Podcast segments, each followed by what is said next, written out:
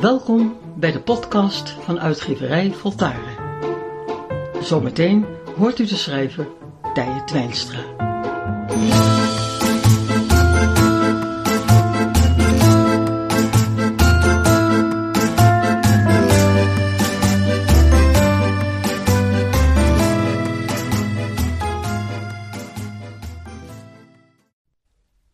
Eenzaamheid stapelt zich meestal op een nog grotere eenzaamheid.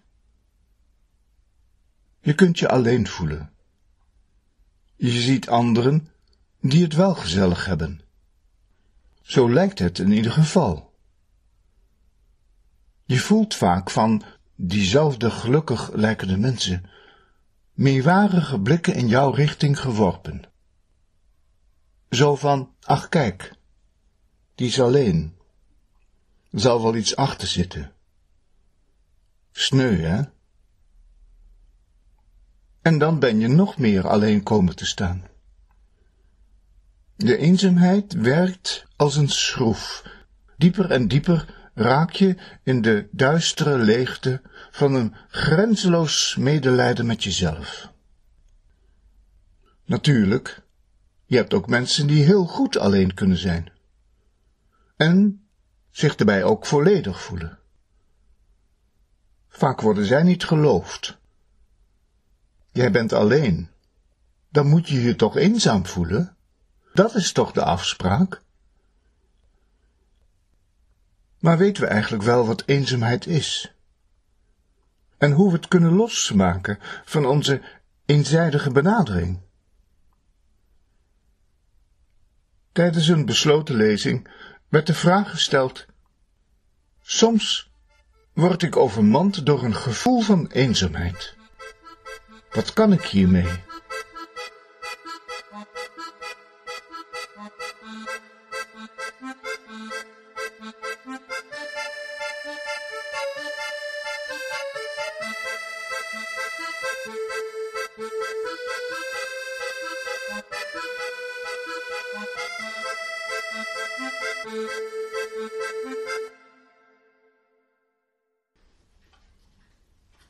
Soms raak ik overmand door een gevoel van eenzaamheid. Wat kan ik hiermee? Eenzaamheid is een fase. Eenzaamheid is geen eindpunt. Dat is belangrijk om te begrijpen. Gevoelens van eenzaamheid dienen ergens voor. Ze dienen om ons los te maken van anderen, bestaande patronen, en om de gevoelens van zelfmedelijden, isolement, in een ander daglicht te krijgen dan we tot nu toe gewend waren ze te plaatsen. Wanneer je het woord eenzaamheid laat vallen, dan zit daar altijd een associatie mee verbonden. Eh, met zielig, met onvolmaakt, met het zou anders moeten, met daar moeten we iets aan doen. Eenzame mensen zijn er echter meer dan gelukkige mensen. En ik denk dat het komt omdat de eenzaamheid zo eenzijdig benaderd wordt. Wanneer we kijken naar mensen bijvoorbeeld in verzorgingshuizen, die zijn vaak eenzaam. Kinderen voelen zich dan verplicht om die eenzaamheid op te heffen. Sommige oudjes in verpleeghuizen of verzorgingshuizen zijn nooit eenzaam. En ieder verblijft in zijn eigen, haar eigen oogst. Wanneer je altijd chagrijnig bent tijdens je leven, dan ben je dat als je oud bent ook. Dat verandert niet zomaar. Dan word je niet eens een vrolijke Frans of Fransien van. Nee, dat wordt vaak erger. Ja. En dan is het zuur als je dan kind bent van zo'n chagrijnige moeder of vader, die nog chagrijniger is geworden dan toen je nog jong was, om je dan toch verplicht te voelen om op te zoeken, want er komt niemand bij. Maar het is wel het gegeven van zijn of haar leven. Wat wij eerst moeten erkennen voordat we zelf een goede houding kunnen vinden ten opzichte van eenzaamheid in het algemeen en eenzaamheid specifiek in dit geval. Wanneer we dat zielig blijven vinden, dan hebben we te maken met een onvoltooid beeld van onze eigen eenzaamheid. Onze eigen eenzaamheid dient namelijk als voorportaal van de onafhankelijkheid. Wanneer we door onze eenzaamheid doorgaan en merken dat we los moeten komen van een aantal patronen, verwachtingen, verplichtingen, fatsoensnormen waarin wij ingebed zijn in ons sociale leven.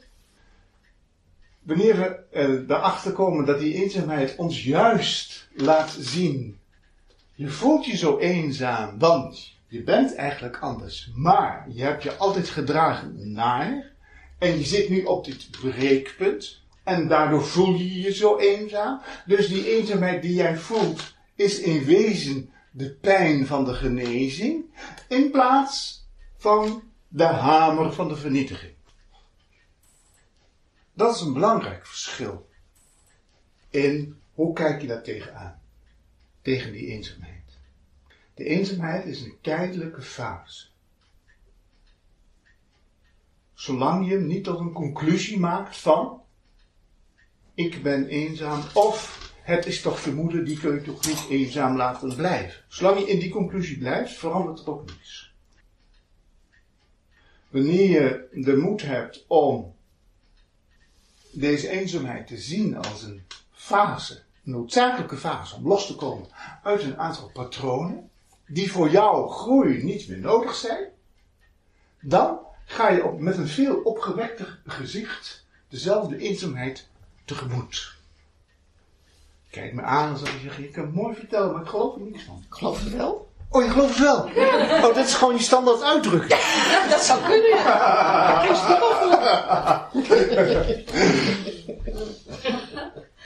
maar, dus de, de eenzaamheid is niet een vaste status waarin we zitten.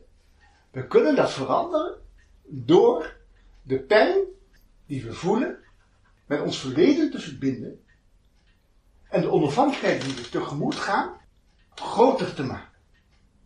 Dus de pijn die we voelen is actueel, maar toch verbonden met het verleden. De onafhankelijkheid die we nog niet voelen, moeten we dus als het ware uitvergroten, want daar gaan we naartoe. We kunnen nog niet voelen, want we zijn er nog niet. Maar we gaan er wel naartoe.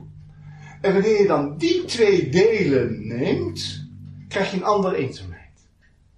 Eén, van het oude dat weggaat. En twee, het nieuwe waar je naartoe gaat. En daarmee maak je diezelfde eenzaamheid tot een fase waar je veel actiever mee aan de slag gaat om het onderzoeken. Waar moet ik afscheid van nemen? Wat moet ik achter me laten? Wat heb ik niet meer nodig? Wanneer je zo met die eenzaamheid omgaat, gebruik je de energie die in dit gevoel aanwezig zit, om ons verder te brengen met levende kennis.